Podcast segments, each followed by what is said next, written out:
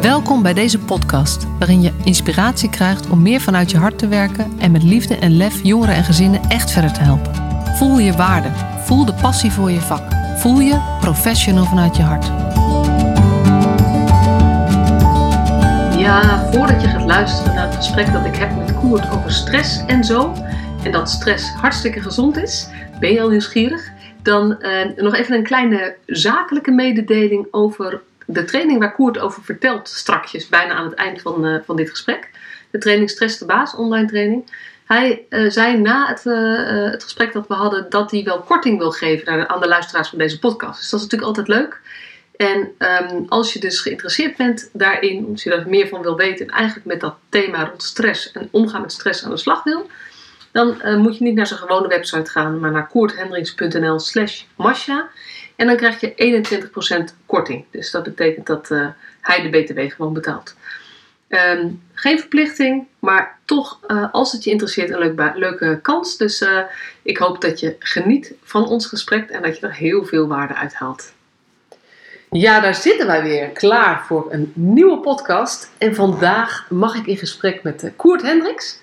Hij is gepassioneerd over stress. En dat is al heel erg uh, leuk natuurlijk, want uh, dat is niet een onderwerp waar mensen heel blij van worden. En uh, Koert zijn ogen gaan echt twinkelen als hij het daarover heeft. Dus daar ben ik heel benieuwd naar om meer over te weten. En dit is de man die mij aangemeld heeft, opgegeven heeft, genomineerd heeft voor de Positivity Award. Dus heel veel dank daarvoor Koert. nu eventjes in persoon. Ja, graag gedaan. En nou ja, dat komt vast ook nog even ter sprake. Maar we gaan het eerst lekker hebben over jouw thema. Welkom Koert. Dankjewel, dankjewel. Leuk om uh, weer een keer hier te zijn. De vorige keer dat we elkaar zagen stond je bij mij op de stoep met jouw Positivity Award inderdaad. Ja. Dat was een leuke verrassing.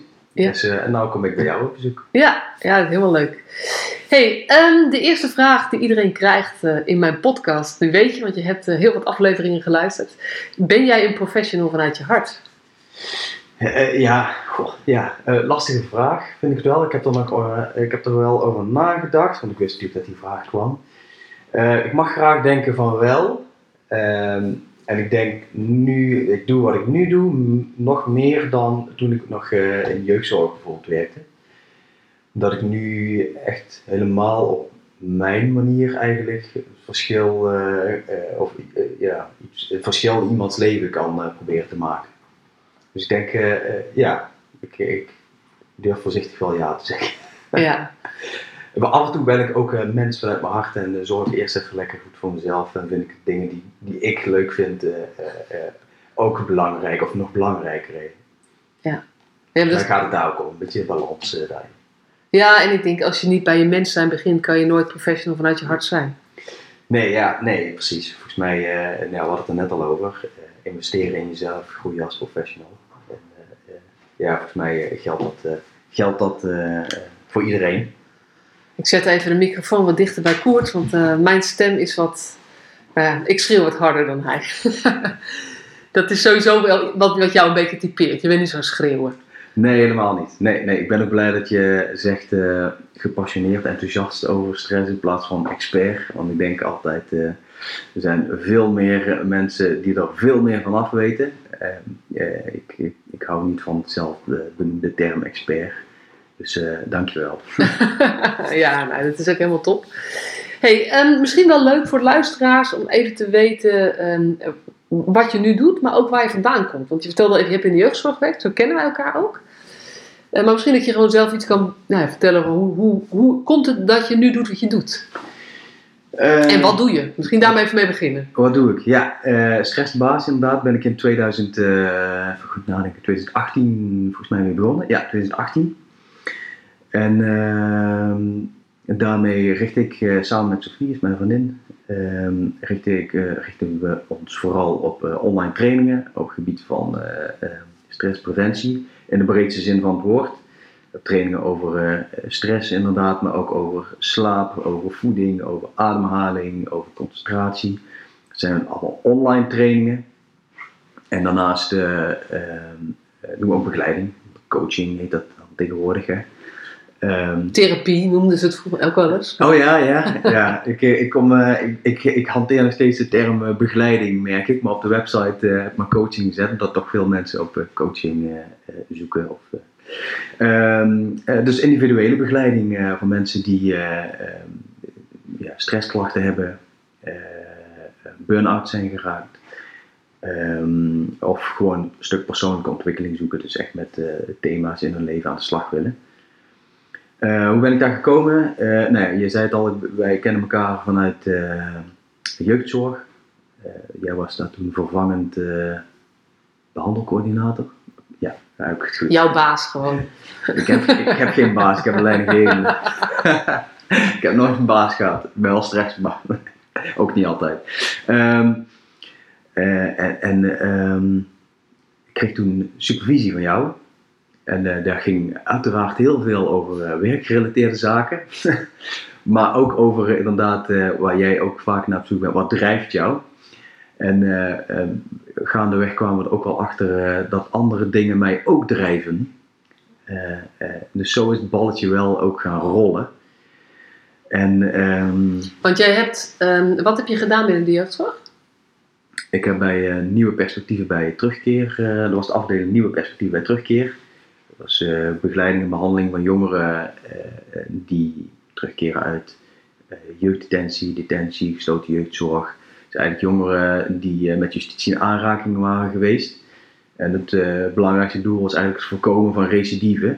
Dat was eh, een gigantisch outre- outreachend werken. Als zij onder de brug sliepen, dan gingen we ze daarop zoeken. Eigenlijk van origine was het traject bedoeld dat we in de laatste drie maanden van detentie al zouden starten. Dus eigenlijk werk je weg naar buiten. Dus dan ga je de zaken praktisch mee op orde brengen, maar ook het stuk wie ben je, waar wil je naartoe en hoe kunnen we nou voorkomen eh, dat je weer terugvalt eh, in, oude, in oud gedrag. Onwijs persoonlijk, dichtbij en echt over de, over de jongeren die je tegenover je hebt. Ja, absoluut. Ja. Ja, ja, ja. ja, Ja. En ehm, ja, daarin eh, heb ik eh, ehm, jouw visie natuurlijk van dichtbij mogen meemaken en daarvan mogen leren. Dus dat, nou, ja, dat kennen we, ken ik vanuit daar al. Al voordat jij met Professional vanuit je hart start. Ja, want misschien is dat wel leuk. want Ik zelf, eigenlijk, die nominatie van, van de Bit Awards, natuurlijk, dat heeft mij toen echt wel verrast ook. En, en ik vond het heel leuk om erachter te komen dat jij het was. Maar is dat ook eigenlijk vanuit toen al, en dat je, want je volgt me eigenlijk sinds die tijd natuurlijk ook. Ja, we hebben, eh, dat was natuurlijk een half jaar dat jij daar zat, hebben we wel contact eh, gehouden. Ook omdat we allebei wel eh op. Ja, jij, jij weet toch voor jezelf, maar ik ben toen vrij vlot ook al eh, eh, stapjes gaan zetten eh, om voor mezelf te beginnen. Ehm, eh, maar weet dus ook uit ervaring hoe belangrijk het is om het geluid wat jij verspreidt, de boodschap die je verspreidt, om die aandacht te geven. Omdat het gewoon zo gigantisch nodig is. En omdat het, omdat het gewoon werkt. Ik heb het gewoon aan den lijve ondervonden om niet eh, altijd het protocolletje te volgen en de regels te volgen, maar gewoon te levelen. En bij de, de doelgroep die wij hadden, werkte dat sowieso niet. Want die, één, die, die luisteren daar niet naar en prikken daar doorheen.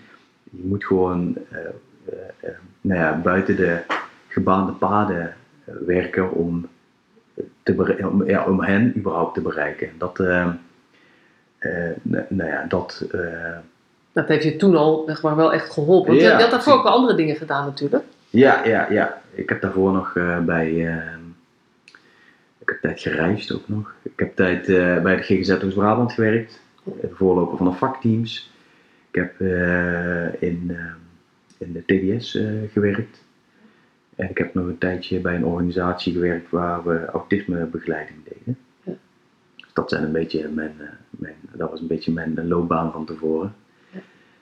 Eh, en, en mijn interesse in stress is eigenlijk gaandeweg eh, steeds meer ehm, eh, die jaren eh, ontstaan. En ehm, dat komt omdat eh, zoveel mensen eigenlijk eh, ten prooi vielen aan eh, stressgerelateerde klachten.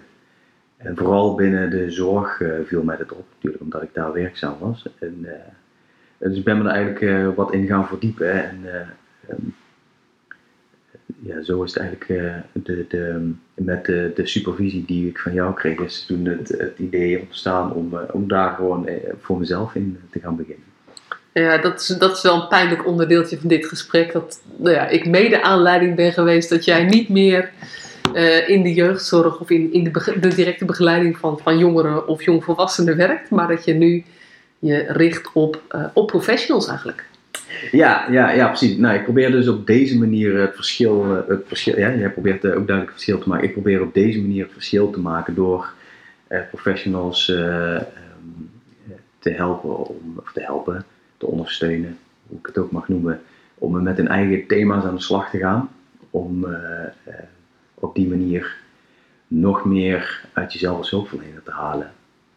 Min of, ik het net ook al over, min of meer als opvoeder of als hulpverlener, professional, dragen we ook over eh, aan anderen of degene waarmee wij werken, onze overtuigingen, eh, dingen die wij belangrijk vinden. Eh, nou ja, dat hoeft niet altijd. ja, dus, het is belangrijk dat je bewust bent van de thema's die bij jou spelen, jouw eigen thema's. En ehm, misschien dat, dat, nou ja, grote woord stress, zeg maar. Stress en burn-out is natuurlijk vaak eh, in, één, eh, in, één zin wordt dat gezegd. Kan je eens iets vertellen over stress? Ja, iedereen, eh, of veel mensen zullen het herkennen als eh, dat oerinstinct, hè, fight or flight. En dat als je die beer vroeger tegenkwam, dat je in staat was om of die knuppel te pakken en hem neer te slaan, of om de benen te nemen. Ik zou voor de laatste optie gaan trouwens, maar goed. Ehm, eh, maar een andere eh, belangrijke taak van stress is bijvoorbeeld eh, dag in dag uit voorzien van voldoende energie. Vanaf dat we opstaan tot dat we naar bed gaan. Van het, ehm, het maken van een podcast tot het werken in jeugdzorg. Bij alles wat je doet, komt stress bij kijken, stresshormonen. En dat eigenlijk is dat, is dat gezond? Stress is hartstikke gezond. Op het moment dat, het, de, dat er te weinig herstel tegenover staat, dan wordt het een probleem. En dat eh, is met de dag van vandaag natuurlijk eh, bij veel mensen aan de gang. We hebben die pieken, en die beren komen we allemaal niet meer tegen, maar je merkt wel een sluimerende aanwezigheid van, eh, verhoog, eh, sluimerende verhoogde aanwezigheid van stresshormonen. En dat eh, kan op de, op de lange termijn, en dat verschilt per persoon, kan het wel voor problemen gaan. En het kan diverse oorzaken hebben. Want je hebt het over stresshormonen. Eh, Hoe, hoe zit dat dan? Eh, op het moment dat je eh, adrenaline, cortisol, dat zijn eigenlijk de stresshormonen. En in- op het moment dat jij opstaat, dan zitten die al in je lijf eigenlijk. En die zorgen ervoor dat jij kunt presteren, dat je überhaupt opstaat eigenlijk. En als die, als die constant te veel in je lichaam aanwezig zijn, dan kan dat eh, klachten veroorzaken bij andere functies. In je maag en darmen, eh, dat je spieren te veel gespannen zijn, dat je stijve nek krijgt, daardoor hoofdpijn krijgt. Dat zijn allemaal klachten die daardoor kunnen ontstaan. Maar je hebt Cognitieve die pieken, die pieken heb je eigenlijk nodig Ja, om, om te kunnen, zeg maar, je hebt ze altijd Ja. om gewoon normaal te kunnen functioneren, Ja. maar die pieken heb je ook nodig. Dus de plankenkoorts of zo, voordat ik een training moet geven, voordat ik moet spreken ergens, dan heb ik, zit ik altijd hoog mijn ademhaling, dan voel ik me gespannen. Ja. En dat is, dat is normaal, dat is eigenlijk ook gezond en dat zorgt er ook voor dat ik daar een goede prestatie kan leveren. Ja, dat je die focus hebt, dat je. En belangrijk is daarbij wel, eh, en, en dan heb je ook wel, eh noemen ook wel het verschil tussen positieve stress en negatieve stress. Hebt het gevoel dat je, en dat, dat is dan weer eh, te koppelen met werkdruk bijvoorbeeld. Het is super zinvol als je taken krijgt in je werk die net iets buiten je kunnen liggen. Maar waarbij je wel het gevoel hebt, oké, ik moet even aanpoten, mijn skills kan ik even bij spijkeren, maar dan ga ik het doel wel halen. Heb je dat gevoel niet, zoals vaak in, eh, volgens mij in, eh, in de hulpverlening eh, speelt, met grote caseloads, veel dingen die spelen, veel jongeren, veel jeugd die, die aandacht vragen, ouders die aandacht vragen, heb je niet altijd het gevoel dat je de druk aan kunt, het werk aan kunt, of alles tot een goed eind kunt brengen. En dan spreken we van die negatieve stress, zeg maar. Ja, dat, in je lijf maakt het eigenlijk niet zo heel veel uit eh, waar we dan van, wat er spreekt. Hetzelfde proces komt op gang. Ehm, maar is wel, eh, eh, die ene zorgt voor ontwikkeling en die andere zorgt voor eh, aantasting van je stresssysteem. En zit ik even, ik- luister naar je en probeer even de koppeling te maken. Want in mijn boek is, heb ik een stap eh, focus op groei. En daar heb ik het over ehm, je comfortzone, je groeizone en je paniczone. Ja. Is, kan ik het daarmee vergelijken? Ja, wel, ja. En dat zeg maar in je groeizone, dat is eigenlijk eh, Dat is gezond. dat is gezond. ja. Want jezelf blijven stretchen, zeg jij, is ook gezond. Ja, Daar, gelo- daar geloof ik ook heel erg Ja. in. eh, omdat, nou ja, ja, kunnen we daar, dat, eh, maar in die panic zone, dan krijg je een soort van, nou ja, dan krijg je dus echt die fight, fight, flight. Dan ga je in een soort overleefmodus. Ja. En dat is voor heel even niet zo schadelijk, maar als dat lang duurt, langer duurt, dan, is, nou, dan, dan beschadigt je stresssysteem, zeg ja, maar. ja, in de basis is het, is het eigenlijk, ehm, gaat het over energiebalans. Eh, dus eh, eh, energie die je uitgeeft, moet je ook ergens weer terugpakken. En als daar die balans goed is, dan is er eigenlijk allemaal niet zoveel aan de hand. Ja. Dus daar, en, en ja, wat zijn nou, ehm, hoe krijg je nou energie? Ik hoor ook vaak mensen zeggen, oh, ik krijg zoveel energie van mijn werk. Ah, ja, ik vraag me af of dat klopt. Volgens mij kost werken altijd energie, of je het nou leuk vindt, of dat je het nou niet leuk vindt. Volgens mij, weet je, als jij auto rijdt, en je rijdt hard of je rijdt langzaam, kost allebei energie.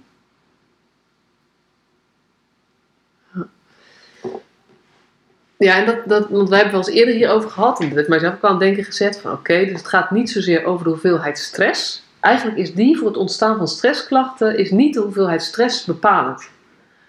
Maar bepalend is de hoeveelheid rust slash hersteltijd of herstelmogelijkheden die je eh, daarbij voor jezelf creëert. Ja, klopt. Eh, ik heb ergens wel eens de gevleugelde uitspraak gelezen: stress is niet het probleem, onvoldoende herstel wel.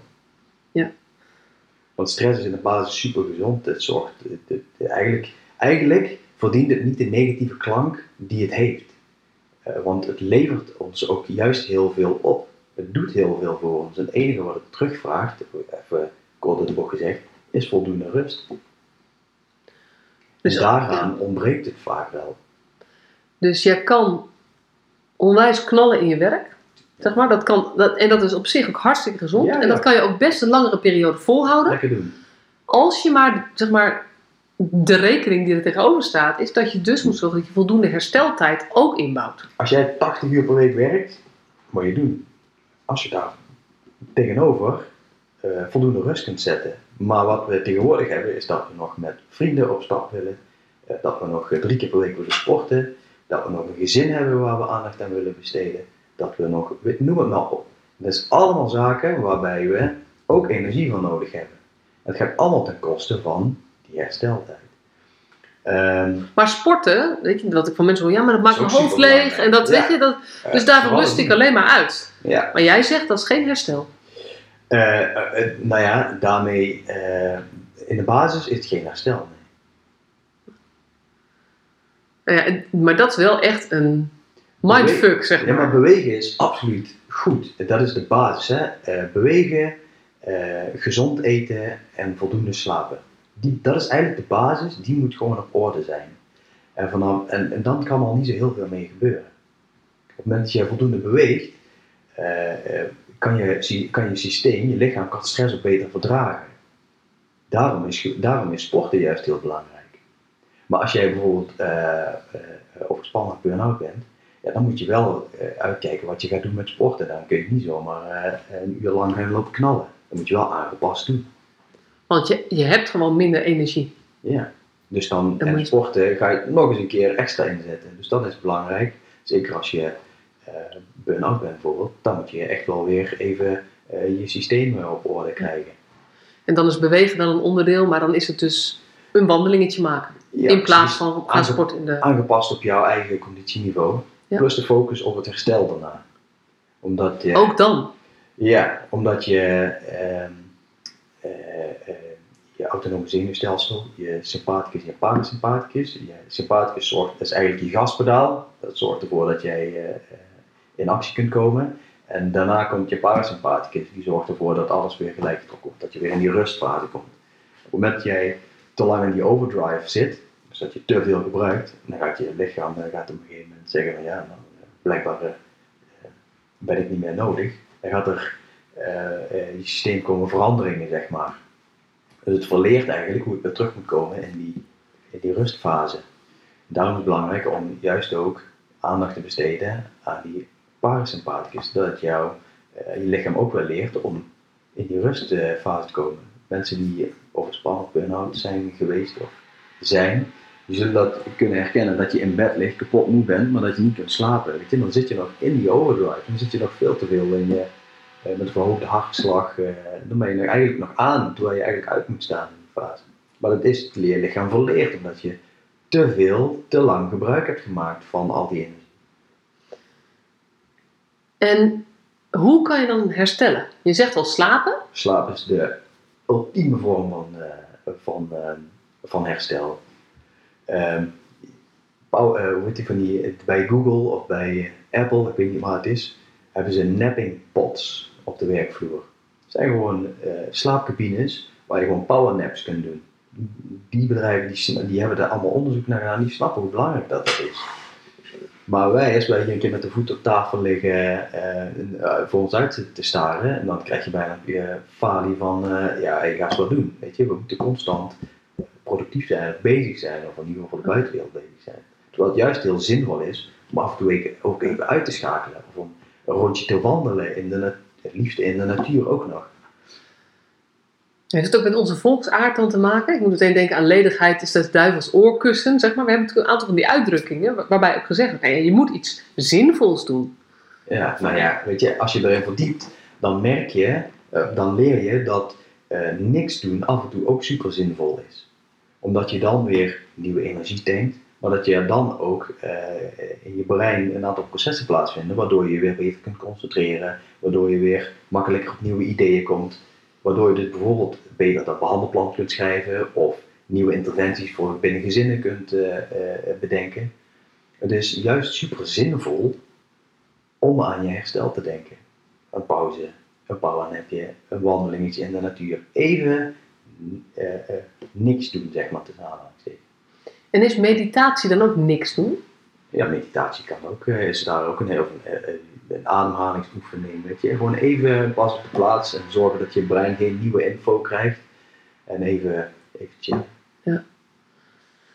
Dus het is eigenlijk een, een nou ja, of actieve gerichtheid op jezelf en, en je lichaam, zeg maar. Of een passieve, eigenlijk alles uitschakelen en alleen maar zijn. Ja, bijvoorbeeld, ja. Maar meditatie is natuurlijk vaak ook, vraagt juist om, om meer lichaamsbewustzijn, zeg maar. Heeft dat iets met elkaar te maken, herstel en lichaamsbewustzijn? Ja, ik denk dat je door eh, veel meer met je lichaam bezig te zijn, dat je ook eh, beter leert naar je lichaam te luisteren. Want eh, je lichaam geeft eigenlijk haarfijn aan wat het nodig heeft. Als jij drie keer per week hoofdpijn hebt, twee of drie weken lang, ja, wat wij volgens mij geneigd zijn om te doen, is eh, een paracetamolletje erin en door. Maar als we er eens bij stilstaan, probeert je lijf misschien iets te vertellen. En ga dan maar eens terugkijken van oké, hoe heb ik de afgelopen drie weken geleefd? Heb ik goed gegeten? Heb ik goed geslapen? Heb ik voldoende bewogen? Maar ook, eh, eh, ben ik misschien wel te druk bezig geweest? Heb ik wel voldoende tijd genomen om uit te rusten? Weet je, de, de leefstijlgeneeskunde, waar huisartsen bijvoorbeeld veel meer mee bezig zijn, dat gaat, gaat veel meer hierover. Dus eh, ja, de, je leefstijl is ontzettend belangrijk om eh, eh, nou ja, stressklachten te voorkomen ook. En dat is die basics waar ik het over heb. Hè. Slapen, bewegen, goed eten. Kwalitatief goed slapen. Het gaat niet altijd om kwantitatief slapen, maar kwalitatief. Ja. Ja, en dat is een uitdaging voor mensen met jonge kinderen. Ja, Laten we maar even noemen. Ja, ik kan het beamen hoor. Maar dan zul je dus eh, op andere eh, vlakken eh, keuzes moeten maken. Althans, dat is waar ik wel bewust probeer te doen. Ja, en ik, ja, dit is altijd, voor mij, weet je, bewegen ben ik nog gewoon niet goed in. Ik heb nog, nou, nog nooit in mijn leven serieus gesport. Ja. Maar ik, ik heb natuurlijk jou wel vaker gehoord en ja, ik, ik word ook, mag niet zeggen wat ouder, maar wel, ik ben, eh, ik ben 47 nu, dus ik denk, ja, het is wel, ik moet wel voor mijn lichaam zorgen. Ik, ik heb wel eens gehoord, tot je 40ste zorgt je lichaam voor jou en daarna moet jij voor je lichaam zorgen. Ja. Dus daar zit ook wel een soort omslagpunt in. Dus ik heb nu eh, ik heb weer een nieuw plan. En dat ga ik nu al meteen al vertellen. Want dan heb ik een soort van commitment. Hè, zo werkt dat. Nou ligt het vast. Ja, precies. Ik ga eh, in september beginnen bij een sportschool. En dan begin ik met personal training. Kijk eens. Goed bezig. Ja, dan één keer per week, personal training. En gewoon omdat ik anders denk dat ik niet ga. Het is echt zo suf. Maar ik weet dat bewegen belangrijk is. Ik geloof ook dat, weet je, eh, wat je zegt, ook gewoon voldoende spierkracht. En ik, ik heb nog kleine kinderen, dus ik beweeg nog genoeg automatisch. Ja. Maar ik geloof dus wel dat het gezond voor je is. En ik denk dan nog, het is gezond voor mijn lichaam. Maar jij, eigenlijk zit het veel vernuftiger in elkaar nog. Want het is gezond voor lichaam en geest. Ja, absoluut. Eh, en uiteindelijk ook. ehm, eh, Sporten voel je gewoon lekker door ook. Hè? ja, maar dat punt heb ik dus nog nooit bereikt. Nee? Nee, ik heb heus, weet je, ik heb heus wel eens dingen gedaan met sport en zo. Maar ik vind het gewoon altijd stom. Ja. En je hebt eh, nog de sport gevonden die bij je past. ja, dat zou kunnen. Nou ja, Of misschien vind je sporten eh, niet best zo leuk, maar eh, hou je wel van bewegen. Weet Ja. je, wandelen in de natuur. Weet je, ga drie keer in de week een uur wandelen in de natuur. Neem de kind mee of weet ik Ja. niet. Maar weet je, dat is ook bewegen. Hè? Ja.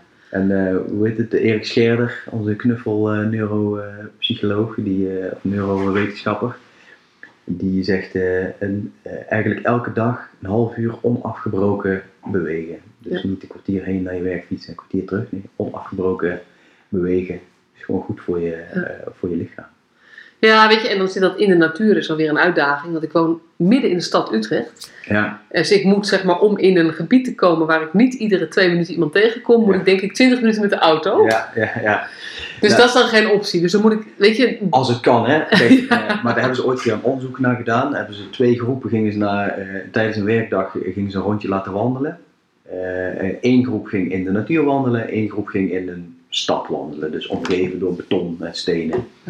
En eh, er werden metingen gedaan vooraf en eh, achteraf. En degenen die door de natuur hebben gewandeld, die waren veel relaxter, kwamen die terug, hadden veel eh, lagere hartslag weer. Ja. Die, die, die, konden veel, waren veel beter hersteld als het ware. Die hadden veel meer kwalitatieve pauze gehad. Nou, dus dan maak ik op zich een slimme keus. Want je kan bij ons in de wijk ik kan gewoon een rondje door de wijk lopen. En ik woon best in een mooie wijk, dus dat is leuk. Maar waar ik vaak voor kies, is eh, het Amsterdam-Rijnkanaal is vlakbij ons. Dus dan kies ik voor een rondje Amsterdam-Rijnkanaal. Dus een stukje Ja. het Amsterdam-Rijnkanaal en dan brug over, andere kant terug en weer brug over. En Ja, ik, dat voelt ook dat mijn hoofd leger wordt dan Ja. wanneer ik door de wijk een rondje loop. Ja. En dat heeft hiermee te maken eigenlijk. Ja. En je zegt van hartslag is lager. Is dat ook hoe je stress kunt, kunt meten? Ja, weet je, als je een prestatie moet leveren, of als we het dan over die eh, flight of flight hebben, dan gaat gewoon eh, je hartslag omhoog. Hè, dat bloed moet rondgepompt worden, zodat je in actie kunt komen. Dus eh, het kan bij mensen die overspannen burn-out fase zijn, die structureel een hogere hartslag hebben, omdat die dus constant in die aanmodus staan. Ja. Dus dat, dat, is, dat is een manier om het te kunnen meten, of iets, om iets te kunnen meten, maar ja, dat, dat wil ook niet altijd wel zeggen. Nee. Volgens mij. Want dat is niet het stuk waar jij je heel erg in verdiept. Hè? Eh, nee, ja, ja, weet je, wat ik zei, er zijn er veel meer die op dat gebied eh, meer van af weten. En ik weet er ook al lang niet alles van af. Maar ja, dit, dit soort dingen, eh, eh, op het moment dat je voor die weerweg moet rennen, gaat je hartslag omhoog. Dus op het moment dat jij een langere tijd veel stress ervaart, dan kan het dus zijn dat je hartslag verhoogd is. Dat is trouwens wel grappig over wat, wat een expert is. Daar heb ik een keer een, bij een seminar. Dat heeft mij ook wel geholpen. Dus misschien helpt het jou ook. Eh, tekende, eh, iemand op het podium tekende drie poppetjes in verschillende grootte. Dus op, volgorde van grootte. En die vroeg aan ons wie is de expert? Nou ja, en iedereen zegt eh, die grote is de expert. Degene die het meeste weet, het meeste doet. En ehm, diegene op het podium zei, nou, dat is niet de expert. Die expert is de middelste. Want dat is degene die kan vertalen van al die kennis naar mensen die er minder van weten. Ja. Dus je bent, als je een expert eh, ziet als iemand die alles weet overal van, ja, dan ben je inderdaad niet expert. Maar als het gaat over dat jij er meer van weet dan de meeste mensen met wie je praat, dan ben jij wel, zeg maar, de, de expert. Want jij kan weer vertalen eh, wat jij in die, ik weet niet hoeveel je erover gelezen of gehoord gedaan hebt. Je hebt je echt heel veel in verdiept. Hmm. Eh, dus onderschat ook niet wat je dan wel weet, zeg maar. Nee, ja, ja, het is maar net ook inderdaad welke vertaling dat je aan het woord expert hangt. eh, Ja. Dat zal ook mee. eh, maar ja, ik, eh, in mijn ogen zijn er altijd veel meer anderen die er ook, die, dan, die dan misschien nog wel veel meer van af weten. Ja. Dus dat, en misschien ook veel meer over specie- specifieke onderdelen. Ja. specifieke gebieden. Maar jouw, jouw drive Ik vind het is... vooral erg interessant. Ja. En, Ja. ik, ik, ik vind het eh, ehm, leuk of ik vind het belangrijk dat mensen leren dat stress niet het probleem is en dat stress ons juist heel veel brengt. Alleen dat we er gewoon wat slimmer mee om moeten gaan. En eh, dat we ons leven eh, misschien wat minder gejaagd moeten leiden en wat meer de focus moeten leggen op eh, ook rust en in het moment zijn. Ja. Ja, want als je kijkt naar wat jij, waar je je ook op richt, dan zijn, is dat niet per se de mensen die al in een burn-out zitten. Weet je, soms werk je daar wel mee, maar eigenlijk zit je drive nog veel meer bij het mensen tools geven om te voorkomen dat ze uitvallen door stress. Ja, liever voorkomen inderdaad. inderdaad. Ja. ja. En wat je ziet is dat daar op uh, persoonlijk vlak heel veel, uh, eigenlijk het meeste winst te behalen valt. Uh, in de stress de baas, de online training, zetten we eigenlijk drie, onderdelen, drie factoren uit elkaar: werk, privé en persoon. Stress wordt nog alles gekoppeld aan werk, maar je hebt natuurlijk ook altijd een privéleven. En jezelf als persoon neem je overal mee naartoe. Dus de thema's die in jouw leven spelen, perfectionisme, eh, te loyaal zijn, moeite met nee zeggen, dat soort dingen, die kunnen er ook voor zorgen, eh, eh, die kunnen gigantisch stressverhogend werken. Op het moment dat je daarmee aan de slag gaat, dan kun je dus ook blijvend iets veranderen, ook binnen jouw werksituatie en binnen jouw privéleven. Het gaat mij te kort om de, door de bocht om te zeggen dat uh, burn-out of stressklachten alleen maar door werk komen. Dat, dat, ja, zo werkt het volgens mij niet. En ik denk dat het juist belangrijk is, juist ook voor professionals, om te kijken wat speelt bij mij. Omdat je daardoor, ik, ik geloof dat je daardoor um, uh, nog meer uh, zeggen, van waarde kunt zijn voor de mensen waarmee je werkt. En leg eens uit. Omdat je dan uh, één voor jezelf uh, beter kunt zorgen. Ehm, bijvoorbeeld door bewuster ja te zeggen, om jouw boek even aan te halen. Hè. Daar heb jij het vooral over. Niet nee leren zeggen, maar bewuster ja te zeggen. Ehm, en dan ook nee, want anders geef je, snij je jezelf in de vingers. Ja, even voor de mensen die mijn boek niet kennen, is wel een belangrijke toevoeging. Ja, ja. en uh, nou, op het moment dat je daardoor niet gehinderd wordt, uh, of dat je die thema's, uh, dat je daar bewust van bent, dan ben je minder snel geneigd om te over te dragen aan je kinderen of aan de, cliënten waarmee je werkt. Dus ik denk dat daar, en, voor je organisatie, heb je minder kans dat je uitvalt, waardoor je dus minder verzuim hebt en daardoor dus minder kosten al hebt als werkgever. Ja, want hadden wij, wij het net, ja, we hebben elkaar al anderhalf uur of twee uur gesproken voordat we deze podcast begonnen. Ja. Maar daar hadden we het dus ook al over dat. Um, Waar ik het natuurlijk vaak over heb, is het zo zonde dat we binnen de hulpverlening, als we werken met jongeren en ouders, zo ontzettend kijken naar de korte termijn en dat we de lange termijn, ehm, eh, dat we als de lange termijn als focus zouden hebben, dat je in alle opzichten gewoon voordeel zou halen. Want het is voor mensen zelf prettiger, maar het, op termijn is het ook kostenbesparend. En eigenlijk is er een parallel proces als het gaat over stressklachten. Nee eens, ja. Ja, ik denk als je daar op de lange termijn uh, zou kijken, als je ehm, de burn-out van één persoon zou voorkomen binnen je organisatie, dan, dan levert dat al 60 tot 90.000 euro. Want dat is wat iemand kost die eh, met burn-out thuis zit. De, ja, dat is gemiddeld geloof ik 240 dagen, à 250 euro. Nou, dan kom je al snel op, uh, op 60.000 euro. Zo snel kan ik niet overrekenen. Dus dan, dus dan nog wat uh, vervangende, want er moet nog iemand in ter plek komen. Dan zit je al op 60 à 90.000 euro. Dat is althans wat CBS daarover schrijft. Ehm, maar wat, je, wat, wat ik vaker, wat ik ook wel eens terughoor binnen organisaties, dat ze zeggen, ja, maar we gaan, nog geen, we gaan nu nog geen geld uitgeven op het moment dat er nog niks aan de hand is. Ja, dat vind ik inderdaad korte termijn denken. Op het moment dat je op de lange termijn denkt dat je nu investeert in het voorkomen van, dan denk ik dat je op de lange termijn veel meer resultaat hebt.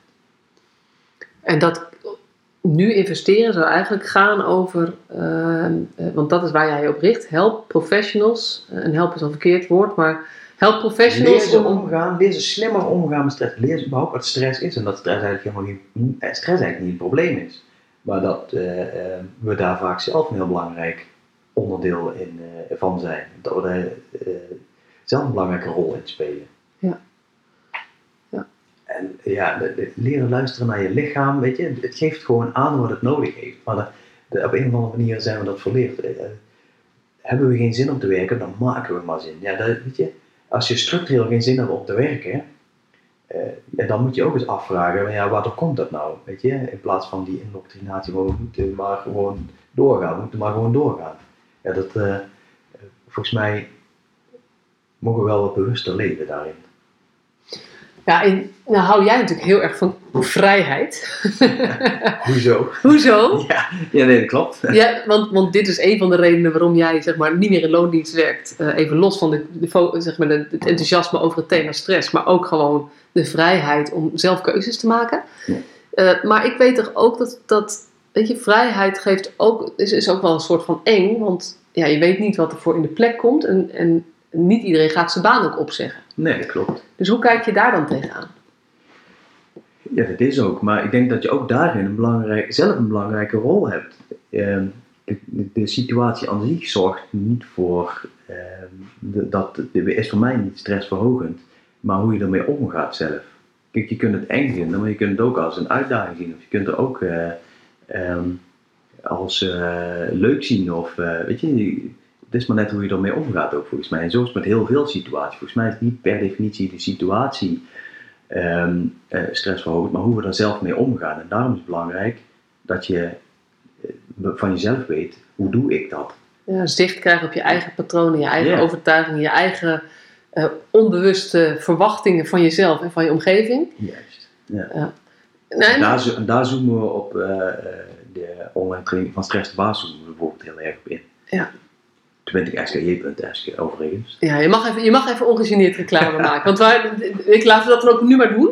Die is te vinden op jouw site. Ja, klopt. Uh, www.koerthendricks.nl En eh, daar kun je vinden. Eh, de training is, eh, nou als we dan toch eh, ongegeneerd eh, reclame maken, is eh, bij het SKJ geaccrediteerd voor 20 SKJ-punten.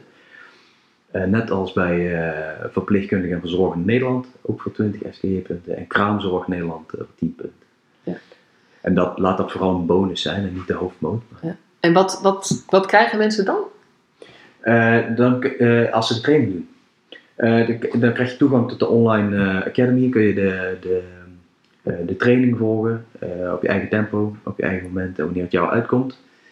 Eh hebben we bewust voor gekozen, omdat het is geen wetenschappelijk onderzoek, maar uit onderzoek is gebleken dat men dan meer, beter en sneller leert op het moment dat je zelf eh, bepaalt wanneer je kennis tot je neemt. En ik daarnaast eh, gruwel ook van een dag lang in een, eh, in een leslokaal zitten en alleen maar passieve stof tot me krijgen. Dus daarom heb ik gekozen voor een online training die je eigenlijk die je op eigen moment kunt kiezen. Een training bestaat uit een stuk theoretische kennis en vooral ook doen. Want daar hou ik van, doen. En Daar, volgens mij leer je daar het meeste van. Dus je, eigenlijk ga je met alle opgedane kennis in je eigen eh, leven, in je, in je werk, in je privé, eh, ga je, eh, ga je mee aan de slag.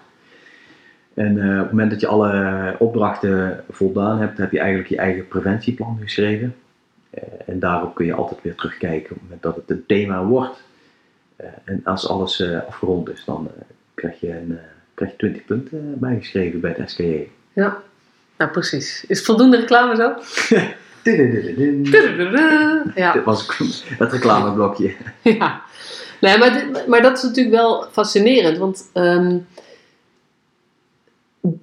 ik weet ook, eh, ik ik heb zelf niet gevolgd, maar ik heb wel ook, ook gelezen van mensen, gehoord van mensen die hem wel gevolgd hebben, eh, dat het eh, ontzettend waardevol is omdat het je zo helpt om anders te kijken naar de situatie waar je in zit. En waar je eerst best wel eigenlijk nou ja, om je heen roept of schreeuwt of, of het gevoel hebt van, nou ja, weet je, ik kan er ook niks doen, maar dit is gewoon te veel of zo. Dat je wel tools hebt om in de situatie die niet veranderd is, toch eh, een beter leven voor jezelf te creëren. Ja, en, juist, juist al voordat je eh, begint te schreeuwen, want dan eh, ben, nou ja, ben je niet al te laat, eh, zo dramatisch wil ik het niet maken, maar het is juist heel zinvol om op het moment dat je nog voldoende eh, eh, energie hebt, zeg maar, of dat, je, eh, dat er nog geen stressklachten zijn, om dan juist al aandacht te besteden aan dit thema, want daarmee voorkom je het juist. Ja. En, en dat is wat mensen in die training inderdaad wel, wat ik er wel van terughoor, is dat ze echt uitzoomen en echt gaan kijken van oké, hoe deel ik nou mijn leven in? Luister ik naar mijn lijf inderdaad? Ehm, hoe werkt dit nou bij mij? Welke patronen en overtuigingen eh, kan ik bij mezelf ontdekken? Eh, en welke rol spelen die eigenlijk eh, in mijn leven en in mijn werk? Ja. Ja. En, eh, en eh, waar, eh, als je het hebt over energie, ja, waar heb ik, eh, is in jouw boek ook een thema, waar heb ik invloed op en waar heb ik geen invloed op? En waar ik geen invloed op heb, ja, ga er in godsnaam ook eh, niet te veel energie in besteden. Eh, Heel moeilijk overigens. Mensen vinden dat heel moeilijk. Ja, dat is Ja. ook eh, dat is makkelijk gezegd, maar eh, maar het mag wel een streven zijn natuurlijk. En je hoeft geen 100% score te van jezelf te verwachten, maar als je, de, als je het al, om maar weer even jou te quoten, als je het 5% beter doet dan gisteren, Ja. weet je, dan, dan, dan gaat het er al heel anders uitzien. En ehm, wat jij ook steeds zegt is, als je wat dit betreft meer zicht krijgt op jezelf, je eigen patronen, je zelfbewustzijn vergroot, eh, tools vindt, ehm, die, die investering in jezelf maakt van jou een betere hulpverlener of een betere ouder. Kan je daar nog iets voor over, meer over vertellen wat je daarmee bedoelt? Ehm, ja, ehm, nou, ik denk dat op het moment dat je eh, bewust bent van de patronen bij jezelf of overtuigingen of dingen die je belemmeren, ehm, dat je daar eh, milder mee om kunt gaan of losser mee om kunt gaan, dat er daardoor veel meer ruimte komt om het leven te leiden zoals jij het wil, eh, naar jouw eigen eh, met je eigen doelen en met je eigen normen en waarden. En dat je je werk veel meer kunt invullen zoals jij dat wil. En dat je dan dus ook bijvoorbeeld buiten die protocollen kunt gaan stappen en eh, je werk kunt gaan invullen zoals je dat eigenlijk bedacht had. Eh, als je het hebt over opvoeden inderdaad, volgens mij zijn we allemaal producten van onze eigen opvoeding, eh, hoe die ook verlopen is. Eh, en maak dat tot de mensen die we nu zijn. En dragen we dat ook weer over aan onze kinderen. Eh, en nou ja, niemand volgens mij eh, haalt een 100% score, wat ook niet hoeft. Maar we hebben allemaal onze eigen thema's eh, die ons belemmeren in bepaalde zaken. Eh, en de vraag is volgens mij, wil je dat, eh, wat, wat wil je dat jouw eh, kinderen en jouw cliënten daarvan meekrijgen? Wat wil je daarin overdragen? Ja, iemand die perfectionistisch gedrag heeft of perfectionistisch in het leven staat, die heeft dat ergens opgepikt, zeg maar. Weet je, dat is een gaandeweg zijn opvoeding of het opgroeien, is dat ergens ontstaan. Nou ja, en zo werkt het natuurlijk ook met hoe wij het weer overdragen op onze volgende generatie. Ja, precies. Waar het over gaat is ehm, ehm, dat je door je bewustzijn op je eigen thema's, patronen, rugzak, zoals Dagmar het eh, in, in de vorige podcast eh, noemde, eh, door dat bewustzijn te vergroten, ga je keuze krijgen in wat jouw reactie wordt. In plaats van dat je altijd in je automatische patroon schiet, Ja. zeg maar. En daar zit de grote winst. Dat wil niet zeggen dat je daarna altijd anders gaat doen. Of dat je het altijd doet op een manier waar je eigenlijk hoe je het zou willen. Nee, ja, dat hoeft natuurlijk helemaal niet. Maar je vergroot Ja. je, ehm, je, je, actie- zeg maar, je, je mogelijkheden. Ja, ja, mee eens. Mooi voorbeeld. Ja. Ja, en wat, wat we bijvoorbeeld, wat wij bijvoorbeeld wel heel bewust doen, is dat we onze, eh, nou, onze jongste is nog iets te, te jong om dat eh, te leren, maar onze oudste zoontje is eh, drie en een half. Maar die leren we wel echt bewust dat het leven geen aaneenschakeling van activiteiten is. Die leren we ook echt wel dat het belangrijk is om ook af en toe stil te staan, om rust, rustig aan te doen. Eh, als je ziet bij dan ga ik generaliseren, maar kinderen over het algemeen gaan naar school, gaan spelen, naar clubjes, sportclubjes. Het is een aaneenschakeling van eh, ehm, activiteiten, terwijl het juist heel zinvol is, wat we net ook over hadden, om af en toe gewoon even niks te doen, om even te chillen. Het, belang daarvan kun je vanaf jonge leeftijd al overbrengen. Plus, volgens mij maken gestreste ouders ook gestreste kinderen. Als we het hebben over overdragen van eh, wat je wil overdragen aan je kinderen. Als jij constant gejaagd door het leven gaat, dan is dat wat je kinderen van jou leren. En de vraag is volgens mij of je dat wil overdragen. Ja. Dus de, je doet het Er zit geen oordeel op van jou, maar Nee, het is niet. eigenlijk meer, weet je, ga na, wat vind je zelf van Ja, bepaalde dingen die je doet en ben je er zelf blij mee? Ja. Eh, en realiseer je dat alles wat je doet, weet je, kinderen leren van wat je doet, niet van wat je zegt. Dat Ja. is altijd ook weer een pijnlijke. We hadden het net over dat mijn eh, jongste dochter een heel leuk nieuw woord heeft geleerd.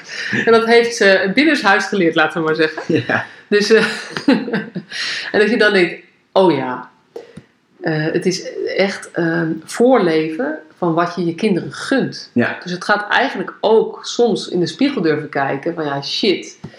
Weet je, ik heb er niet zoveel last van. Maar als ik heel eerlijk even van een afstandje naar mezelf kijk, dan zou ik mijn kinderen gunnen dat ze hier of hier eh, anders mee omgaan dan ik dat gewend ben. En Ja. dat vraagt een soort van bewustzijn en eerlijk zijn in jezelf. En, eh, Ja. En gewoon, ja, en, dat vind ik ook weer mooi dat je het aanhaalt. Gewoon vijf, kijk, kan je daar 5% in bewegen? Want daarmee Ja. geef je je andere kinderen iets anders mee. En, dat- en dat hoeft niet heel groots te, gemaakt te worden. Hè. Werken aan thema's wordt vaak heel groots gemaakt. Ja. Ehm, maar dat hoeft, weet je, dat, dat hoeft helemaal niet. Eh, eh, werken aan jezelf eh, kun je net zo goed vergelijken als eh, met eh, welke vakinhoudelijke training of scholing dan ook. Het is eh, gewoon iets om een betere professional van te Ja. worden. En ook als mens te groeien, denk ik. Ja. Dus volgens mij hoeft de drempel ook helemaal niet laag te, eh, of niet hoog te zijn. Ja. Daarom hebben we er ook bijvoorbeeld een online training van gemaakt. Die drempel die, die, hoeft, die, die hoeft maar gewoon heel laag te zijn.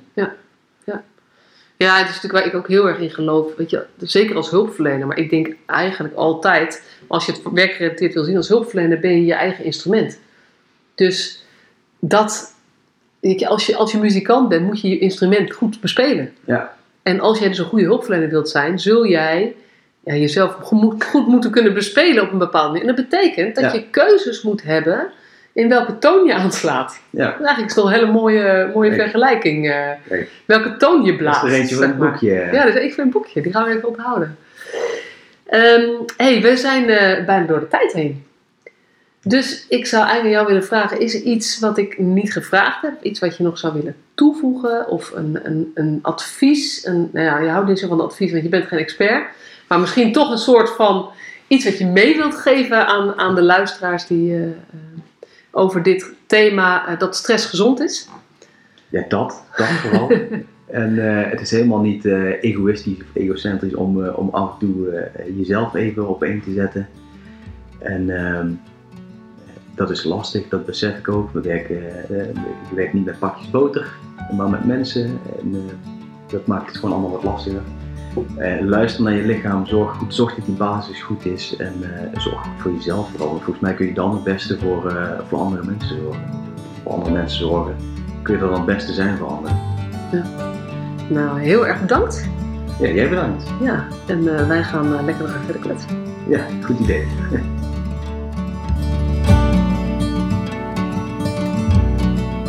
Superleuk dat je weer luisterde naar deze podcast. Dankjewel. Nog even kort een paar belangrijke dingen. Ten eerste, het is mijn missie dat de jeugdhulp weer een sector wordt waarin bevlogen, liefdevolle professionals jongeren en gezinnen echt verder helpen. Daarom maak ik deze podcast voor jou. Wil jij deel uitmaken van deze beweging van Professional vanuit je hart, waarin professionals elkaar steeds opnieuw inspireren? Begin dan met het lezen van mijn boek. Je kunt de eerste hoofdstukken helemaal gratis lezen. Ga naar professionalvanuitjehart.nl slash boek. Ten tweede, wil je alle podcastafleveringen overzichtelijk onder elkaar? Abonneer je dan op deze podcast. Klik in je podcast-app op de button subscribe of abonneren. En elke keer als er een nieuwe podcastaflevering gepubliceerd wordt, ontvang je automatisch een berichtje. Ten derde, ondersteun je mijn missie? Geef me dan een review via je podcast-app, bijvoorbeeld iTunes of Spotify. Op die manier kan ik nog meer professionals bereiken. En ken je een collega voor wie deze podcast ook interessant is? Dan zou het super zijn als je hem of haar de podcastaflevering doorstuurt. Bijvoorbeeld door de link te kopiëren via Spotify. Ik vind het altijd heel leuk om berichtjes te ontvangen van luisteraars om te horen wat je van een podcast vindt, of als je misschien vragen of suggesties hebt. Of als een aflevering je een bepaald inzicht heeft gegeven of er iets in beweging is gekomen. Stuur me dan even een berichtje op masha.professionalvanuitjehart.nl via de website of stuur me een connectieverzoek op LinkedIn.